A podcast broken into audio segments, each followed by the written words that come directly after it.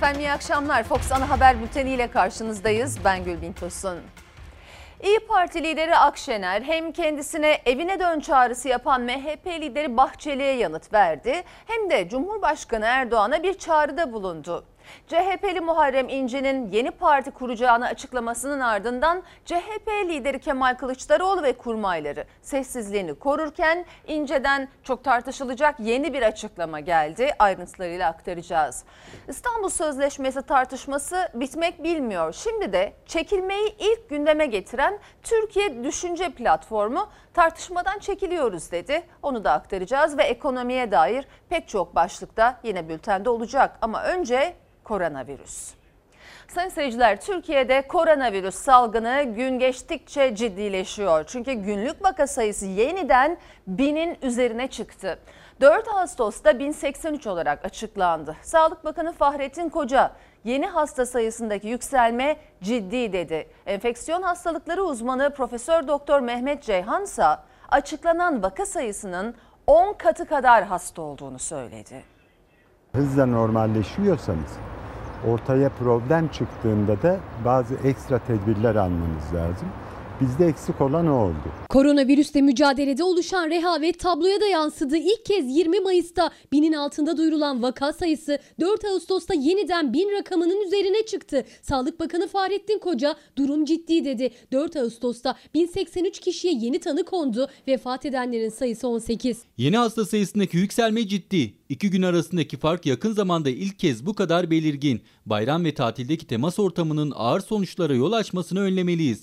Hepimiz birbirimize karşı sorumluyuz. Tedbirde birliğe ihtiyacımız var. Sayı artışına neden olabilecek birçok sosyal olay yaşadık. Bunların etkilerini de hemen görmüyoruz. Mesela bayramın etkisini de genelde bir ay sonra falan göreceğiz. Enfeksiyon hastalıkları uzmanı Profesör Doktor Mehmet Ceyhan özellikle bayramın rakamlara yansıması için bir ay sonraya tarih verdi ama yeni günde açıklanan rakamlar ürkütücüydü. 3 Ağustos'ta 995 olan vaka sayısı bir gün sonra 88 kişi arttı. 1083'e yükseldi. 29 Temmuz itibariyle yoğun bakım ve entübe hasta sayılarının da artık tek satırda toplandığı ağır hasta sayısı toplamıysa 583. Tabloya yeni eklenen hastalarda zatürre oranı da %8,5. Şu anda rakamlar sadece Sağlık Bakanlığı'nda var ve kimsenin elinde bir rakam yok. Dolayısıyla bir rakam olmadan bu rakamlar doğrudur, yanlıştır diye bir yorumda bulunmak çok zor. Diğer ülkelerde olduğu gibi Türkiye'de de bizim belirlediğimiz vaka sayısı Türkiye'nin toplam vaka sayısı değil zaten. Bu mümkün değil. İlker Karagöz'de Fox Çalar Saat programında konuşan Mehmet Ceyhan veri güvenilirliği için Sağlık Bakanlığı'nı işaret etti ancak tespit edilen vaka sayısının 10 katı kadar hasta olduğunu da söyledi. Bunu şöyle düşünmek lazım. Çok iyi tespit etseniz bile zaten bunun 10 katı kadar kişinin tespit edilemeden virüsü taşıyıp bulaştırdığını biliyoruz. Yani Profesör Doktor Mehmet Ceyhan'ın hesaplamasına göre koronavirüs taşıdığı tespit edilemeyen 10 bine yakın kişi var Türkiye'de ve her biri hastalığı bulaştırmayı sürdürüyor. Bu aslında şu uyguladığımız normalleşme modelinin beklenen sonuçları. Daha fazla test yapmalıyız, sağlık personeli, işte gişe ve danışma memurları, şoförler, garsonlar, uçaklarda kabin amirleri gibi çok kişiye bulaştırabilecek gruplara yönlendirmeliyiz. Test kriterlerinin değiştirilmesi çağrısını da bir kez daha tekrarladı enfeksiyon uzmanı Ceyhan. Sokaklardaki tehlikenin altını rakamlarla çizdi. Özel grupların sıklıkla testinin yapılmasını istedi.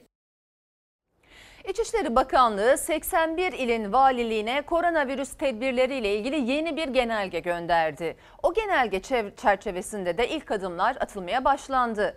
Bakan Süleyman Soylu perşembe günü bugüne kadar yapılan en kapsamlı denetimlerin gerçekleştirileceğini duyurdu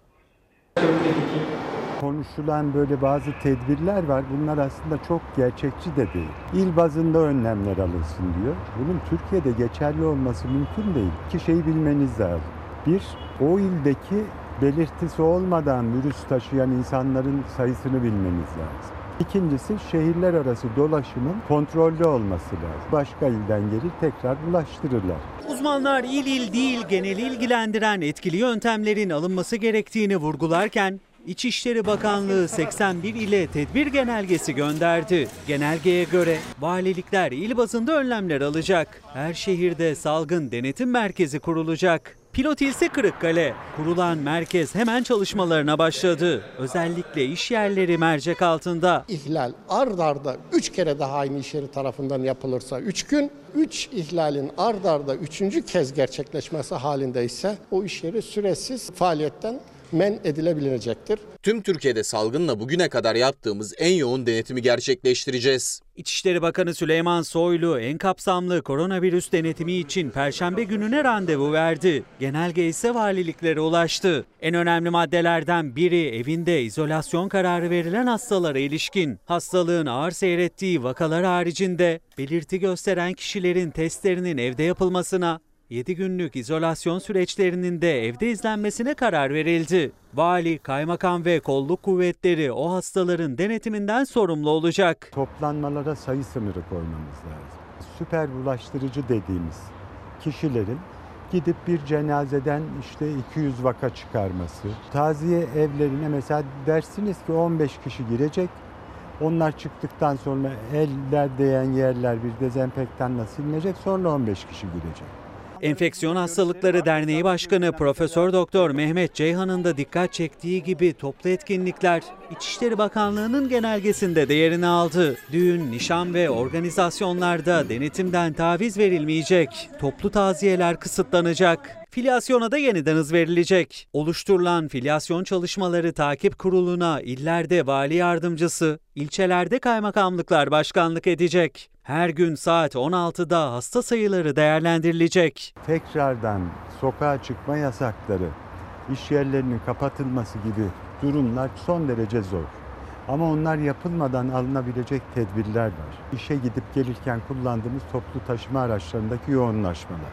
Çok sayıda vaka çıkıyor oralarda. Mesai kademelendirilmesine gidilmesi lazım. Profesör Ceyhan'a göre alınan son tedbirlerde salgının kontrol altına alınabilmesinde yeterli değil. Mesai saatlerinin kademeli hale getirilmesi, özellikle 65 yaş üstü için yeni düzenlemeye gidilmesi gerektiğini söylüyor Ceyhan. 65 yaş üstü için güvenli alanlar oluşturmalıyız ve zamanlar oluşturmalıyız. 65 yaş üstü insan korkudan dışarıya çıkamıyor. Hala evinden çıkamayanlar var.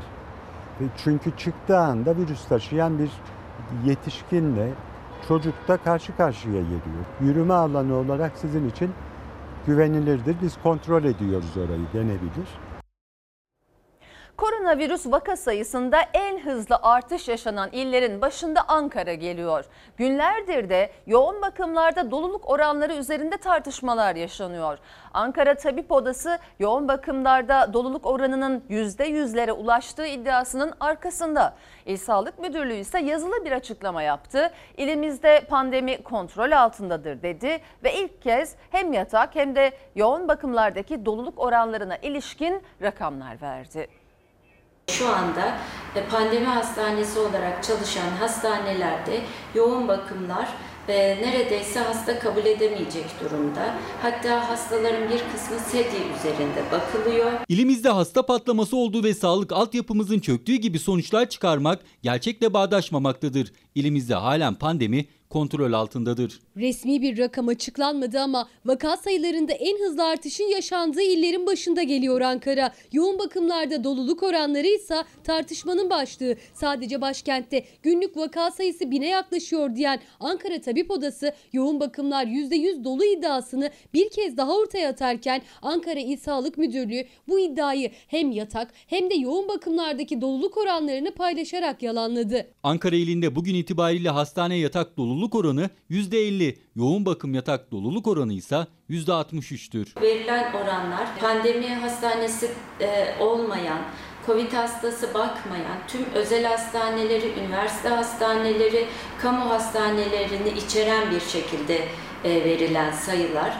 Ankara'nın en büyük hastanesi 16 yataklı yoğun bakım servisleri 8 yatak daha eklenerek 24 yatağa çıkarılmış durumda. Ankara'da yoğun bakımda şu an doluluk oranlarımız %67 oranında. Sağlık Bakanı 5 gün önce yoğun bakım doluluk oranlarına %67 demişti. İl Sağlık Müdürlüğü %63 olarak revize etti. 28 ve 30 Temmuz tarihli iki ayrı yazıda hastanelere klinik yataklarının en az %50'sinin Covid için ayrılması, acil olmayan ameliyatların ve yatışların ertelenmesi, ağır vakalar dışında Covid belirtisi gösteren ve onlarla temaslı kişilerin testleri ve tedavilerinin evlerinde yapılması talimatlarına da değindiği Sağlık Müdürlüğü açıklamasında. Ankara Tabip Odası da muhalefet de o talimatlar kırmızı alarmın kanıtı demişti. Kurban Bayramı sonrası göz önüne alınmış ve Covid-19 hastalarında ilave yatış ihtiyacı dikkate alınarak sunulacak hizmet kapasitesinin artırılması yönünde sağlık kuruluşlarımız uyarılmıştır. Ankara İl Sağlık Müdürlüğü bayram nedeniyle vaka ve hastaneye yatış sayılarında bir artış öngörüldüğünü de açıkça dile getirdi açıklamasında.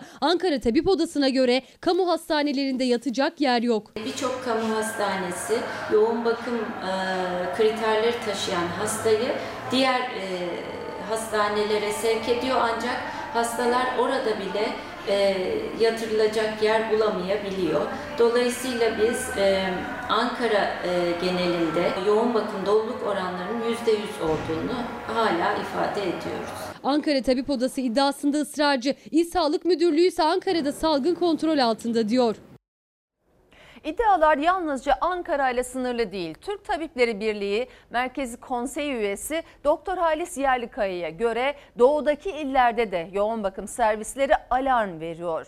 Konya İl Sağlık Müdürü Mehmet Koç'un sözleri ise endişe verici. Eğer bu hızla giderse bir şehir hastanesi daha olsa yetmez dedi.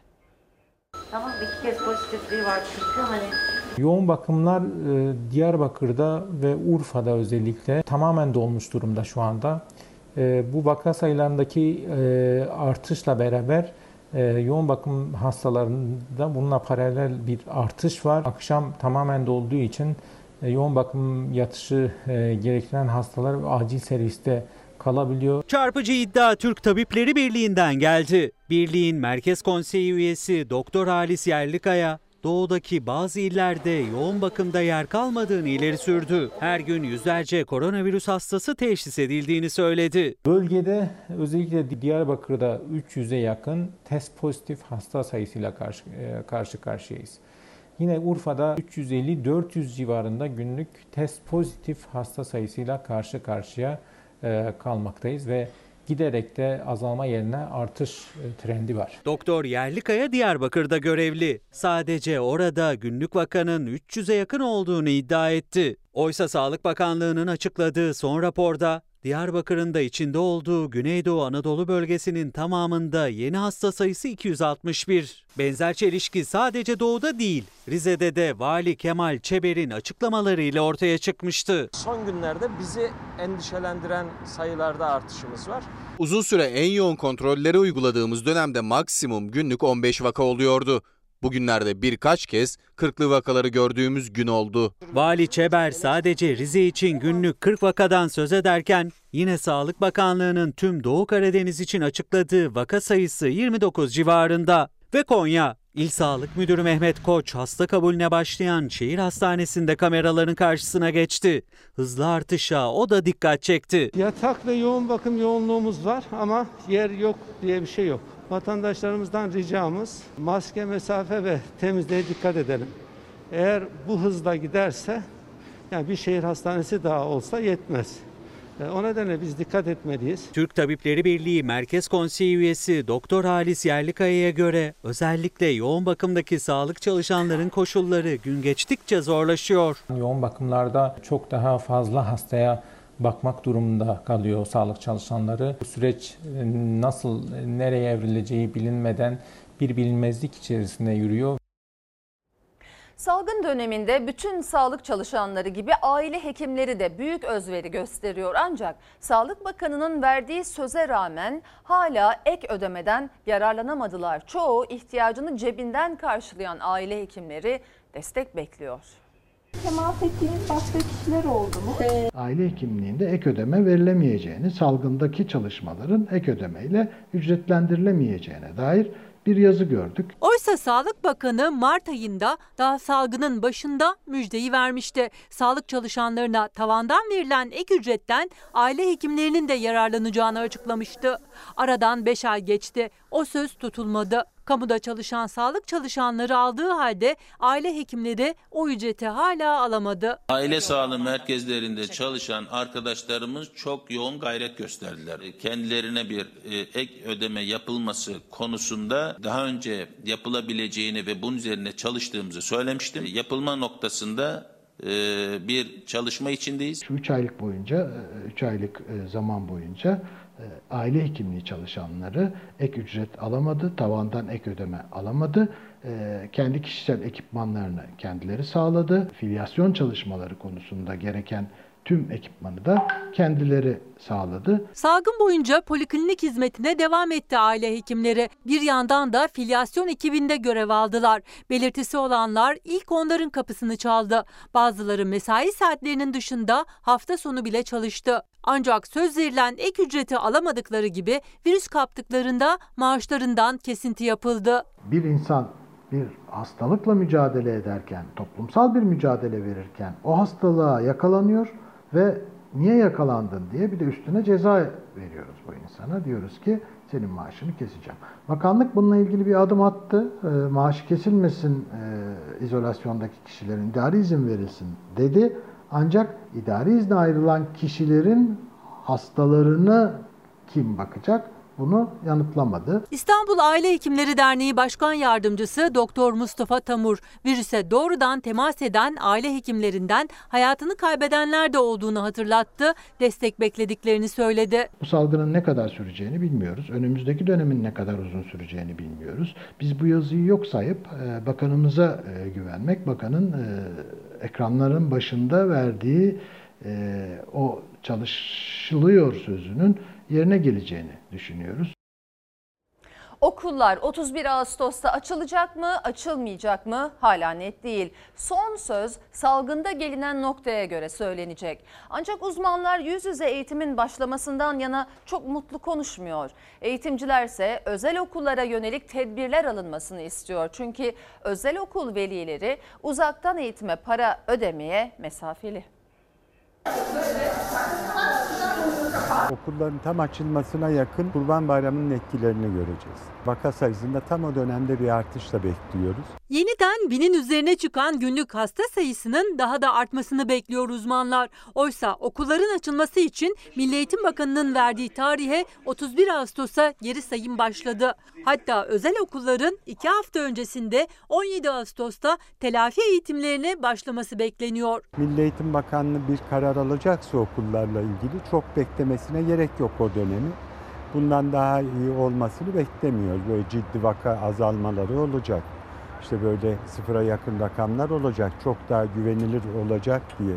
Enfeksiyon Hastalıkları Derneği Başkanı Profesör Doktor Mehmet Ceyhan'a göre okulların açılması planlanan tarihte tablo bugünden iyi olmayacak. Çocukların fazla belirti göstermediğini ancak hastalığı hızla bulaştırabildiğini hatırlattı Ceyhan. Yani bir defa çocuklar kesinlikle bulaştırıyor. Çocuklar ilk virüsü aldıkları zaman biz fark etmeyeceğiz. Çünkü bunların çok büyük çoğunluğu belirtisiz seyredecek. Risk grubunda olan yetişkinlere bulaştırdığında vaka olarak göreceğiz biz onları. Uzaktan eğitim kolay değil. E böyle bir durumda oradaki öğretmenlerin siz parasını ödeyemezseniz sistemi çökertirsiniz. O çöküş devlete yansır. Çalar Saat'te İlker Karagöz'ün konuğu olan eğitimci Özsuna Norman'a göre uzaktan eğitimin de hem öğrenciler hem de öğretmenler için zorlukları var. Bu durumda eğer karma modele geçilirse de velileri zor günler bekleyecek. Tahmin ediyorum karma bir eğitim modeli geliştirilecek çocuklar. Mesela diyelim ki iki gün gitti, üç gün gitmedi. Evde eğitime devam edecek. Özellikle küçük çocuklar için kim bakacak? Ee, ne olacaklar o sürede? Onların çalışan anne babalarına nasıl bir formül bulunacak? Ücretli izinli mi sayılacak? Bunların sanıyorum halledilmesi lazım ve onlar üzerinde çalışılıyordur. Çünkü ben tam anlamıyla okul açılmasının e, çok mümkün olmayacağını düşünüyorum. Ben birazcık böyle işe tersten bir bakmak istiyorum. Yani eğer plajlar açıksa, AVM'ler açıksa, efendim otobüslere binebiliyorsak o zaman okullar da açılabilir. Yok bunları yapamayacak okulları kapatacaksak zaten bunları da yapmamamız lazım. Eğitimci Norman bu süreçte kafası karışan özel okul velilerine yönelik devletin adım atması gerektiğini de söyledi. 2-2,5 milyon öğrencinin yarısı ben devlet okuluna gideyim, özel okula gitmeyeyim derse okullarımızda böyle bir yer yok. Ne yapacak bakanlık? O yüzden KDV indirimini yaptığı gibi, efendim araba alımına teşvik verildiği gibi, ev alımına teşvik verildiği gibi okulların kirasına, sigortasına bunlara para verilmesi lazım. Çünkü özel okullar para harcamaya devam ediyorlar. Hepsini batırırlar böyle giderse. Çok net söylüyorum. Sayın seyirciler Türkiye'deki ilk koronavirüs vakalarındandı Zonguldaklı esnaf Muhammed Tanır. 3 ay uyutuldu. Çok zor günlerden geçti. Koronavirüsü önemsemeyenlere kendini örnek gösteren 41 yaşındaki esnaf herkesi dikkatli olmaya çağırdı. Mart ayından beri e, Haziran başına kadar uyutuldum. Cihaza bağlandım. E, ciddi bir tedavi süreci gördüm. Türkiye'deki ilk koronavirüs vakalarından biriydi. Hastalığı çok ağır geçirdi. 41 yaşındaki Muhammed Tanır sonunda virüsle mücadeleyi yendi ama vücudunda kalıcı hasar oluştu. Uyandırıldıktan sonra yaklaşık bu 2 ay, 2,5 ay yatma sürecinden sonra vücudumda deformasyonlar oldu. Ee, sağ ayağımda ve sağ elimde his kaybı oluştu. Esnaf Muhammed Tanır Zonguldak'ta yaşıyor. Virüse yakalandığında vücudu belirtiler göstermeye başladı. Ama bir hafta geçer diye bekledi Tanır. Sonrasında hastaneye başvurdu. Hemen yoğun bakıma alındı. Tam 3 ay boyunca uyutuldu. Solunum desteğine bağlı kaldı. Çok ciddi bir acı hissettim vücudumda. Yani hani akşam yatıp sabah kalkma gibi değil. Ee, vücudumda çok bir e, ağrılar hissettim, acılar hissettim e, halüsinasyonlar, işte kabuslar şeklinde geçti. E, zor bir süreçti. Uyutulma sürecim de çok zordu. Negatife döndüm fakat e, vücudum e, çok ciddi şekilde yıprandı bu noktada. Kullandığım ilaçlardan, cihaza bağlanmamdan kaynaklı da. E, çok bir zor süreçti. O virüsle savaşırken ailesi dışarıda endişe içindeydi. Ablası üzüntüye daha fazla dayanamadı. Kardeşinin iyileştiğini göremedi. Ortanca ablamı kaybetmişiz ben uyutulurken. Ee, tabii o da bana çok üzülmüş. Ee, şeker komasına girmiş. Hastalığı yenmesine rağmen elinde ve bacağında his kaybı oluştu Muhammed Tanır'ın. Yürümekte zorlanıyor. Hiçbir önlem almayanlara da kendini örnek gösteriyor. Bu korona hastalığı virüsü hiç dışarıdan göründüğü gibi değil. Kesinlikle e, kesinlikle maske, hijyen ve mesafe kuralına uyulmasını gerektiğini söylüyorum. Bunu bir bir çok ciddi atlatmış bir kişi olarak hatta vücudunda hasar kalmış bir insan olarak Sayın seyirciler Lübnan'ın başkenti Beyrut'ta son yılların en büyük faciası yaşandı. Limanda depolanan bir gemi dolusu amonyum nitrat infilak etti. Tarihi şehir atom bombası atılmışçasına sarsıldı. Patlamayla birlikte 135 kişi yaşamını yitirdi. 6'sı Türk, 5000 kişi yaralandı. Şimdi şu soruya yanıt aranıyor. Faciaya yol açan patlama mı? Patlama kaza mıydı yoksa bir saldırı mı?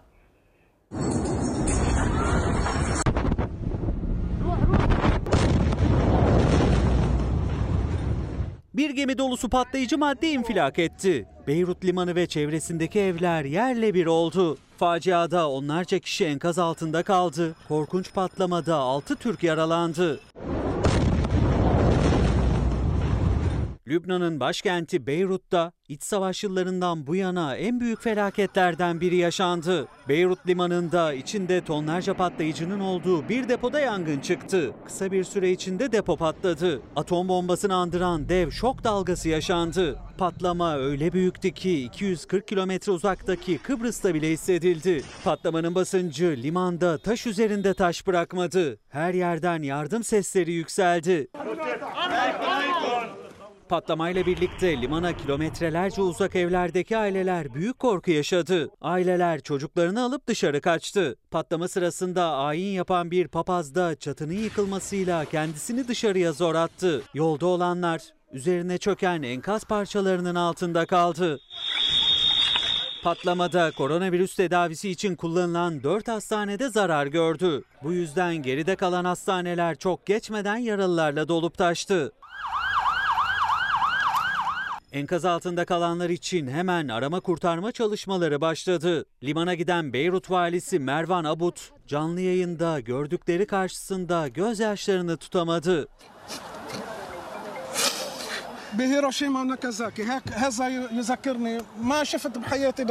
Sabah olunca Beyrut limanında yıkım açıkça ortaya çıktı. Siloların sadece bir bölümü ayaktaydı. Denizde ise büyük bir yarık oluştu.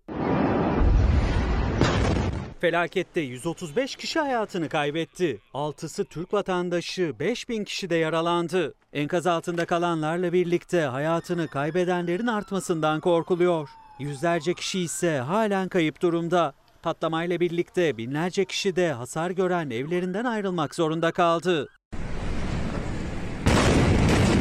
Felaket üzerine Beyrut'ta iki hafta olağanüstü hal ilan edildi. Patlamanın nedeni konusunda devletten tek ses yükseldi. Cumhurbaşkanı Aoun, 6 yıl önce bir yük gemisinden indirilerek depoya konan 2750 ton gübre yapımında kullanılan amonyum nitratın patlamaya yol açtığını açıkladı. Başbakan Diab da felaketin sorumlularının bedel ödeyeceğini söyledi. Beyrut yönetiminin aksine patlamayla ilgili başka iddialar ortaya atıldı. Deponun Hizbullah örgütüne ait olduğu ve İsrail'in burayı hedef aldığı öne sürüldü. Ancak İsrail ve Hizbullah bu iddiayı yalanladı.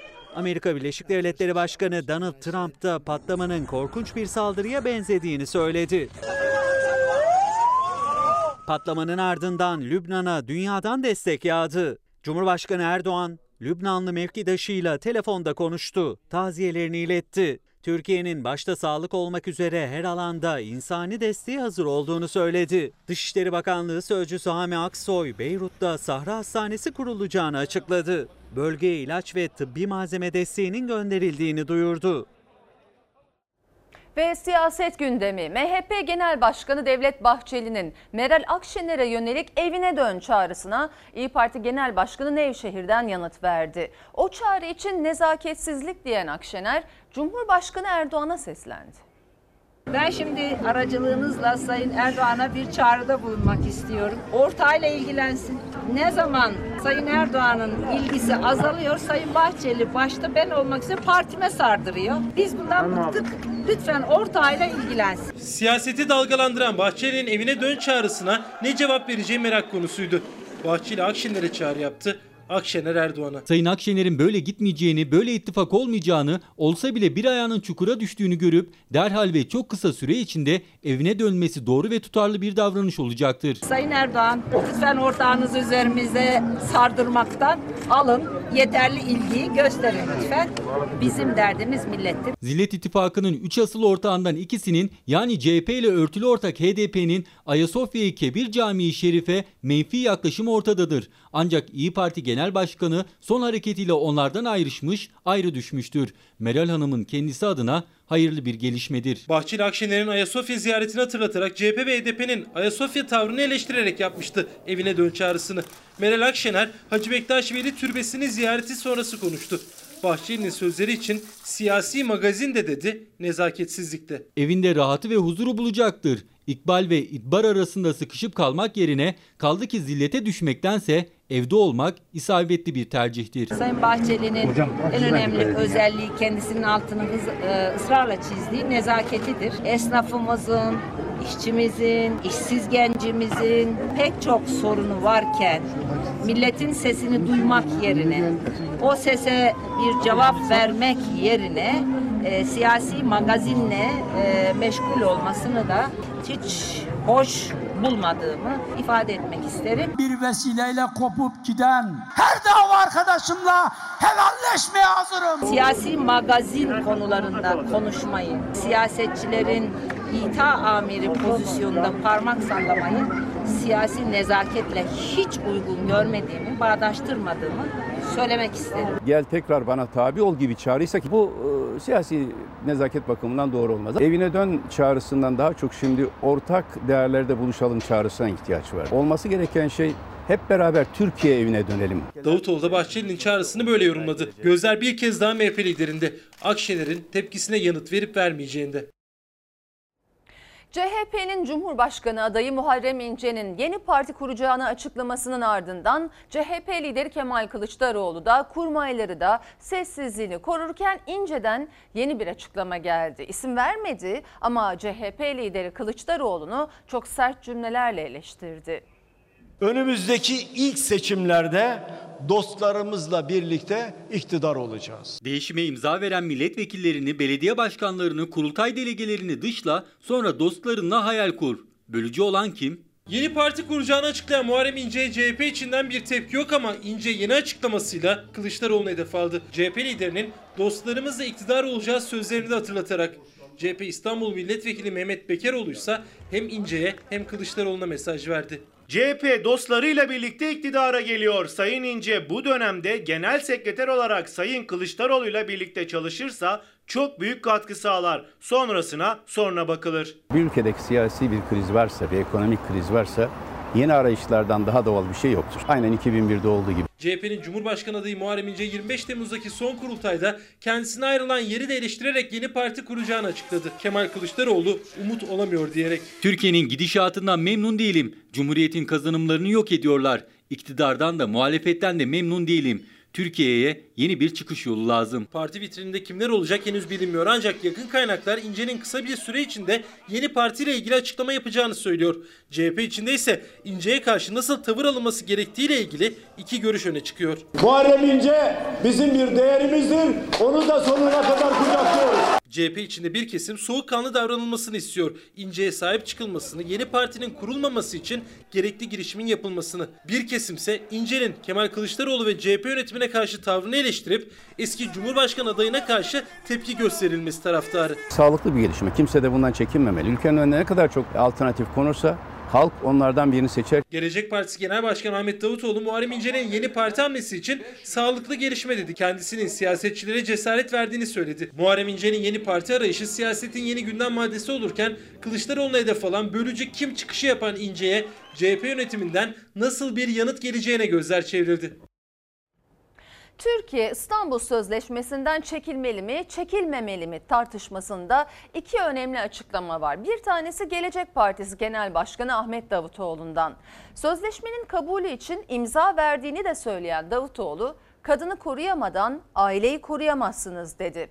İstanbul Sözleşmesi'nden çekilmeyi savunan ve konuyu ilk gündeme getiren Türkiye Düşünce Platformu isimli sivil toplum kuruluşu ise Atat özür diliyorum artık yıprandık tartışmadan çekiliyoruz dedi. Kadınlar sokakta can derdindeyken siz ailenizin içinde rahat edemezsiniz. Çekilse sanki bu sorunlar bitecek mi? Bu bir yasa değil, bu bir çerçeve metin. Ve her ülke bu çerçeve metni kendine göre uygular. Eski Başbakan Gelecek Partisi lideri Ahmet Davutoğlu kadına ve aileye yönelik şiddeti önleyemedikçe İstanbul Sözleşmesi'nden çekilsek de sorun çözülmez derken İstanbul Sözleşmesi'nin kaldırılması için Cumhurbaşkanı'na rapor sunan Türkiye Düşünce Platformu da tartışmadan çekiliyoruz. Artık yokuz dedi. Kendi değerlerimize uygun bir tasarı öneren raporumuzla mayınlı alana girdiğimizi fark ettik. Platform olarak artık bu konudan çekiliyoruz. Herhangi bir şekilde bu işin bir parçası olmayacağız. Çünkü çok yorulduk, yıprandık. İstanbul Sözleşmesi kaldırırsak problemler bitecek diye düşünmek de yanlış. İstanbul Sözleşmesi kalırsa bütün bu sorunlar çözülür deyip kutsal metin haline getirmek de yanlış. Siz sözleşmeyi tartışa durun. Balıkesir'de bir kadın yine öldürüldü. İnsanı eğitmedikçe, sevgiyi hakim kılmadıkça, huzuru sağlamadıkça vahşet devam edecektir. Şiddete son. Türkiye İstanbul Sözleşmesi'nden çekilmeli mi tartışması her geçen gün daha da alevleniyor. Cumhurbaşkanı Erdoğan'ın kızı Sümeyye Erdoğan Bayraktar'ın başkan yardımcılığını yürüttüğü Kadın ve Demokrasi Derneği sözleşmeye sahip çıkarken oğlu Bilal Erdoğan'ın Yüksek İstişare Kurulu üyesi olduğu Türkiye Gençlik Vakfı Türkiye'nin İstanbul Sözleşmesi'nden çekilmesini istedi. Davutoğlu o sözleşmenin altında Erdoğan'ın imzası var dedi. Bir muhalif oy bile olmaksın iktidar ve muhalefetin ortak imzasıyla geçti. Sayın Recep Tayyip Erdoğan'ın imzasıyla giden bir sözleşme ne bu Türkiye'ye dayatıldı bu ne de Türkiye yazdı bunu. Avrupa'da kadını koruyamadığı için ilk tazminata mahkum olan Türkiye diye bir kara leke vardı üstümüzde. İstanbul Sözleşmesi üzerinden itibarımızı kurtarmaya çalıştık. İki tane önemli husus var. Bunlardan birisi toplumsal cinsiyet e, meselesi. Bir de cinsel yönelim tercihi. Bu sözleşme hiçbir cinsel eğilimi teşvik etmez, hiçbirisine meşruiyet vermez ve dibacesinde diyor ki erkekler, kadınlar ve çocuklar hani LGBT falan denmiyor. Günlerdir tartışılan konu hakkında Cumhurbaşkanı da kurmayları da sessiz. AK Parti yönetimi nasıl bir tavır sergileyecek merak edilirken kamu baş denetçisi Şeref Malkoç da tartışmaya girdi. İstanbul Sözleşmesi'nden Türkiye'nin çekilmesiyle ilgili kurumumuza 200'e yakın başvuru olmuştur. İncelemelerimiz belli bir noktaya gelmiştir. Daha henüz kararımızı vermiş değiliz. Muhalefetin değişmeyen gündemi ekonomi. İyi Parti Genel Başkanı Meral Akşener Nevşehir'de esnaf ziyaretindeydi. Akşener vatandaşın sorunlarını dinledi. Gelecek Partisi lideri Davutoğlu ise düşük faizle verilen krediler konusunda uyardı iktidarı. Ülkeyi uçuruma götürüyorsunuz dedi. Durum ne? Durum işler acısı. Durumumuz kötü yani. Kirayı ödemiyoruz. Zorlanıyoruz yani. Yani vatandaşta da para yok. Sigorta acentesiyiz. Ee, Vatandaş sigortasını yaptıramıyor yani. Bugün mesela hiç işlem yaptınız Yok mı? şu anda siftahımız yok. Yani. TÜİK binasında verilen rakamlarla Türkiye anlamaya çalışanlar bu ülkeyi yönetemezler. Çünkü o rakamların nasıl manipüle edildiğini herkes biliyor. Şimdi kim inanır enflasyon %11-12 olduğuna? Davutoğlu TÜİK verileriyle yüklendi iktidara. Meral Akşener de Nevşehir'de esnaf ziyaretindeydi. Vatandaşın nabzını tuttu. Nasıl işleriniz? İşler iyi değil abla ya. Korona bizi mahvetti yani. Onu soruyorum. 3 ay içinde millet veya bazı çiftçiler çok perişan yani. Sen çiftçi misin? Bıraktım. Vay be. 2 ay oldu.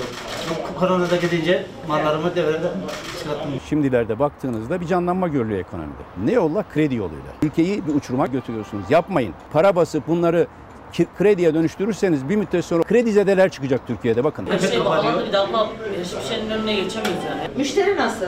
Müşteri düştü abla ya. Müşteri gelmiyor. Koronavirüse bulaştı. Korkudan geldi. Aynen öyle. Mesela bu koronaya yönelik ne tür yardımlar olması gerekiyordu? Eksik var mı? Vallahi bizi düşünmediler yani. Akşener hangi esnafla konuşsa dert işitti. Ahmet Davutoğlu da ekonomik tabloda sistemin de payı var dedi. Cumhurbaşkanlığı sisteminden sonra amatör kümeye düşürdüler bu ülkeyi. Evi yanan insanlar var. Ekonomik yangında olan insanlar var. Sayın seyirciler günlerdir rekora doymayan altın yine tarihi zirvesini gördü. Çeyrek altının fiyatı 781 liraya fırladı. Şu an itibariyle 2043 dolar seviyelerinde. Daha önce hiçbir zaman bu rakama ulaşmamıştı. Kızım evlendi, çeyrek oğlum evlendi. Cumhuriyet bu ne ya? Hele Cumhuriyet hiç düşünemiyorum 3000 lira. Uçuyor. Uçuyor maalesef ki. Alabilecek misiniz altın? Hayır, satmaya geldik. Ben şimdi ofisten buraya 15 dakikada geldim. Ben çıkarken ofisten 458 liraydı. Şu an 400. 68 TL gram altın. Rekor üstüne rekor kırdı. Gün içinde bile 15 dakikada 10 lira arttı gram altının fiyatı. 468 lirayı gördü. Çeyrek altının fiyatı ise 781 lirayla tarihi zirvesine çıktı. O zaman bozduralım biz de yastık altında Var mı yastık altında? Düğün dernek olursa? Almayacağım. Gitmeyecek Altın misin? zamanı değil artık. Para atacağım 200 milyon. Dünyadaki e, olaylar sebebiyle altın fiyatları yükselmekte. E, ons yükselince Türkiye'de tabii gram altının fiyatı da artmış oluyor bu şekilde. Normalleşmenin ardından gelen ikinci dalga korkusuyla tüm dünyada altın fiyatları artışa geçti. Yatırımcının güvenli limanı altının ons fiyatı tarihinde ilk kez 2000 doları aştı. Sene başında 465 lira olan çeyrek altın 8 ayda %65 değer kazandı. Yani 100 bin lirasını altına yatıranın birikimi 165 bin liraya çıktı. Ocak ayındaki çeyrek altının fiyatı 465 liraydı. Ağustos ayına geldiğimizde 5 Ağustos'ta gram fiyatı 468 lirayı geçti. Yani Ocak ayında çeyrek altın alabildiğimiz fiyata Ağustos ayında sadece gram altın alabiliyoruz. Şu an sadece düğün ya da takı almak zorunda olanlar, zorunda kalanlar tercih etmekte altını. En çok ne talep ediliyor? Gram altın. Gram altın fiyatı sebebi şu an uygun olduğu için de insanlar çeyrek altın yerine düğün takısı olarak gram altınları tercih etmekte. Hatta yarım alt- yarım gram altınları tercih etmekte. Zaman ilerledikçe altının fiyatındaki hareketlilik de devam ediyor. Saat 2.30'u gösterirken altın rekordan rekora koşmayı sürdürüyor. Gram altının fiyatı 468 lira, çeyrek altının fiyatı ise 780 lirayı buldu. Cumhuriyet altını almak isteyenlerse 3180 lirayı gözden çıkarmak zorunda. Mümkün değil. Yani şu anda insanlar e, geçinmek için zor para buluyor. İnsanlar altını hediye götürmeye bile artık imtina ediyor çünkü alamıyor. İnsanlar bir kilo et alamazken bir altın alıp götüremezler mümkün değil. Gün içinde dolar 7 lira 5 kuruşu, euro ise 8 lira 38 kuruşu gördü. Ancak yatırımı düşünebilen çok yok. Kuyumcuların kapılarını çalanlar daha çok yastık altındaki altınını bozdurmak isteyenler ya da düğün zamanlı zorunlu takı alışverişi yapanlar. Yatırım amaçlı mı alırsanız alır? Hediye maalesef yatırım amaçlı değil. Çocuklarımıza taktılar mesela siz geldiniz çeyrek taktınız. Şimdi ben onlara nasıl gram takayım? Ben de beklerim doğru size taktıysam bana getirmenize. Antalya'da bir otel ruhsatsız olduğu gerekçesiyle zabıta ekipleri tarafından mühürlenmek istenince ortam gerildi. Otel çalışanlarının burayı kapatırsanız salgında nasıl iş bulacağız yakarışlarına rağmen zabıta ekipleri müşterileri çıkardı. Otel mühürlendi. Ne terbiyesiz ama öyle konuşamazsın bence. Beş dakika alamıyoruz.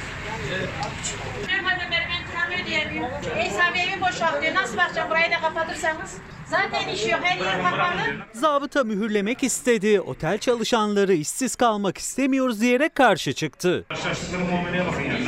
Bayram harçlığı bile alan yok yani işlerinde. Hepsi bayram harçlığını bile bekliyordu. Antalya'nın Alanya ilçesinde turizm sezonunun tam da ortasında yaşandı bu görüntüler. Zabıta, jandarma ekipleriyle birlikte ruhsatsız olduğu iddia edilen oteli mühürlemeye geldi. Daha nasıl bakacağım ben çocuk Ne otel çalışıyor?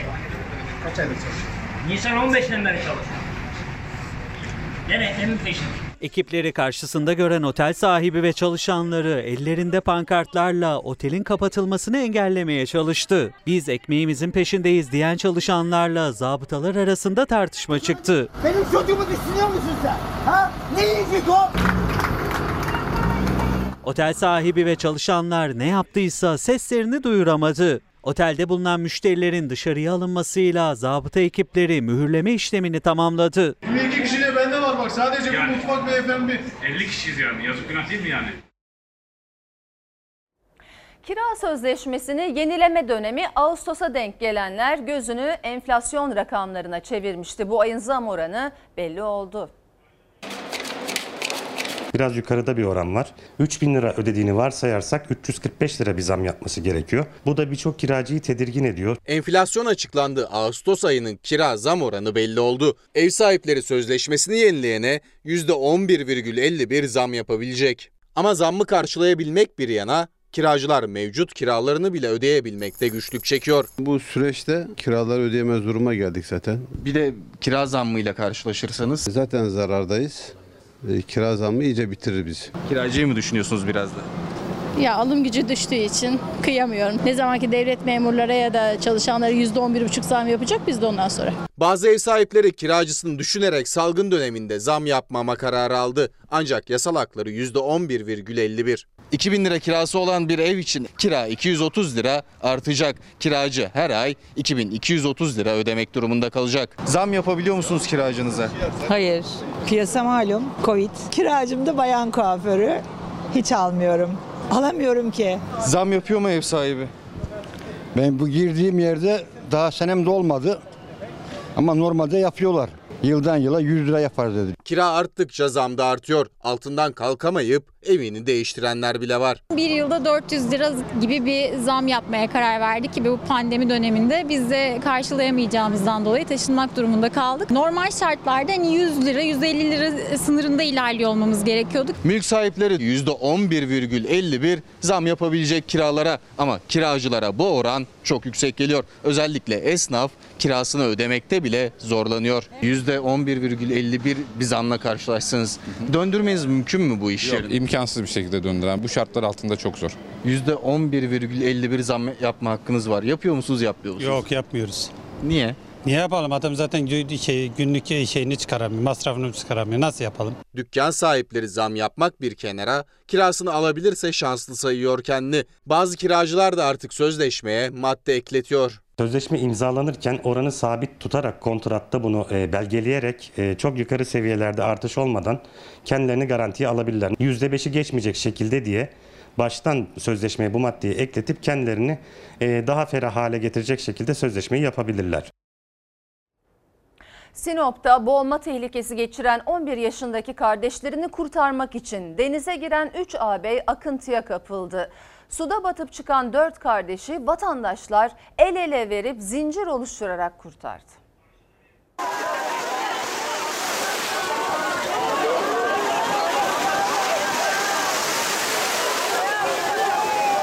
Boğulma tehlikesi geçiren kardeşlerini kurtarmak isteyen 3 abi akıntıya kapıldı. 4 kardeş onlarca kişinin kurduğu yaşam zinciriyle son anda kurtarıldı.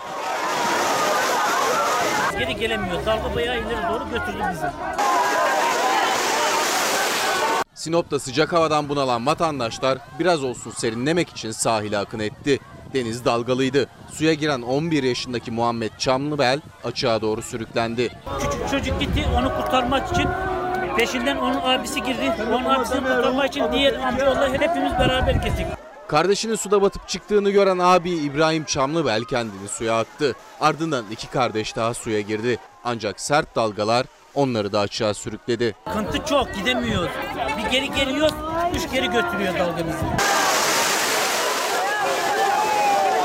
Bir saate yakın ki denizde dalgayla savaşıyoruz. Bir saate? Bir saat ama şükürler olsun Kendilerini bir anda can pazarının içinde bulan dört kardeşin yardımına vatandaşlar ve dalgıç polisler koştu. Kardeşler kurulan yaşam zinciriyle tek tek sudan çıkarıldı. Boğulmaktan son anda kurtarılan kardeşler ambulansla hastaneye kaldırıldı. Gönder gönder. Efendim birazdan araya gideceğiz ama şunu belirtelim. Bugüne ait koronavirüs tablosu henüz açıklanmadı. Bugün özellikle önemli. Neden? Dün itibariyle arkamda görüyorsunuz. Uzun sürenin ardından ilk defa vaka sayısı 1083 oldu. Yani binin üzerine çıkmış oldu. Sağlık Bakanı Bakan Koca da yeni hasta sayısındaki yükselme ciddi diye uyarmıştı. Dediğim gibi eğer bu ara içerisinde koronavirüs tablosu açıklanırsa veda etmeden önce sizlerle paylaşacağız. Şimdi ara. Efendim Fox ana haber bültenini burada noktalıyoruz. Fox'ta yayın Sen Çal kapımıyla devam edecek. İyi bir akşam geçirmenizi diliyoruz. Hoşçakalın. Bin can feda bir tek dostuma Her köşesi cennetin ezilir yanlar için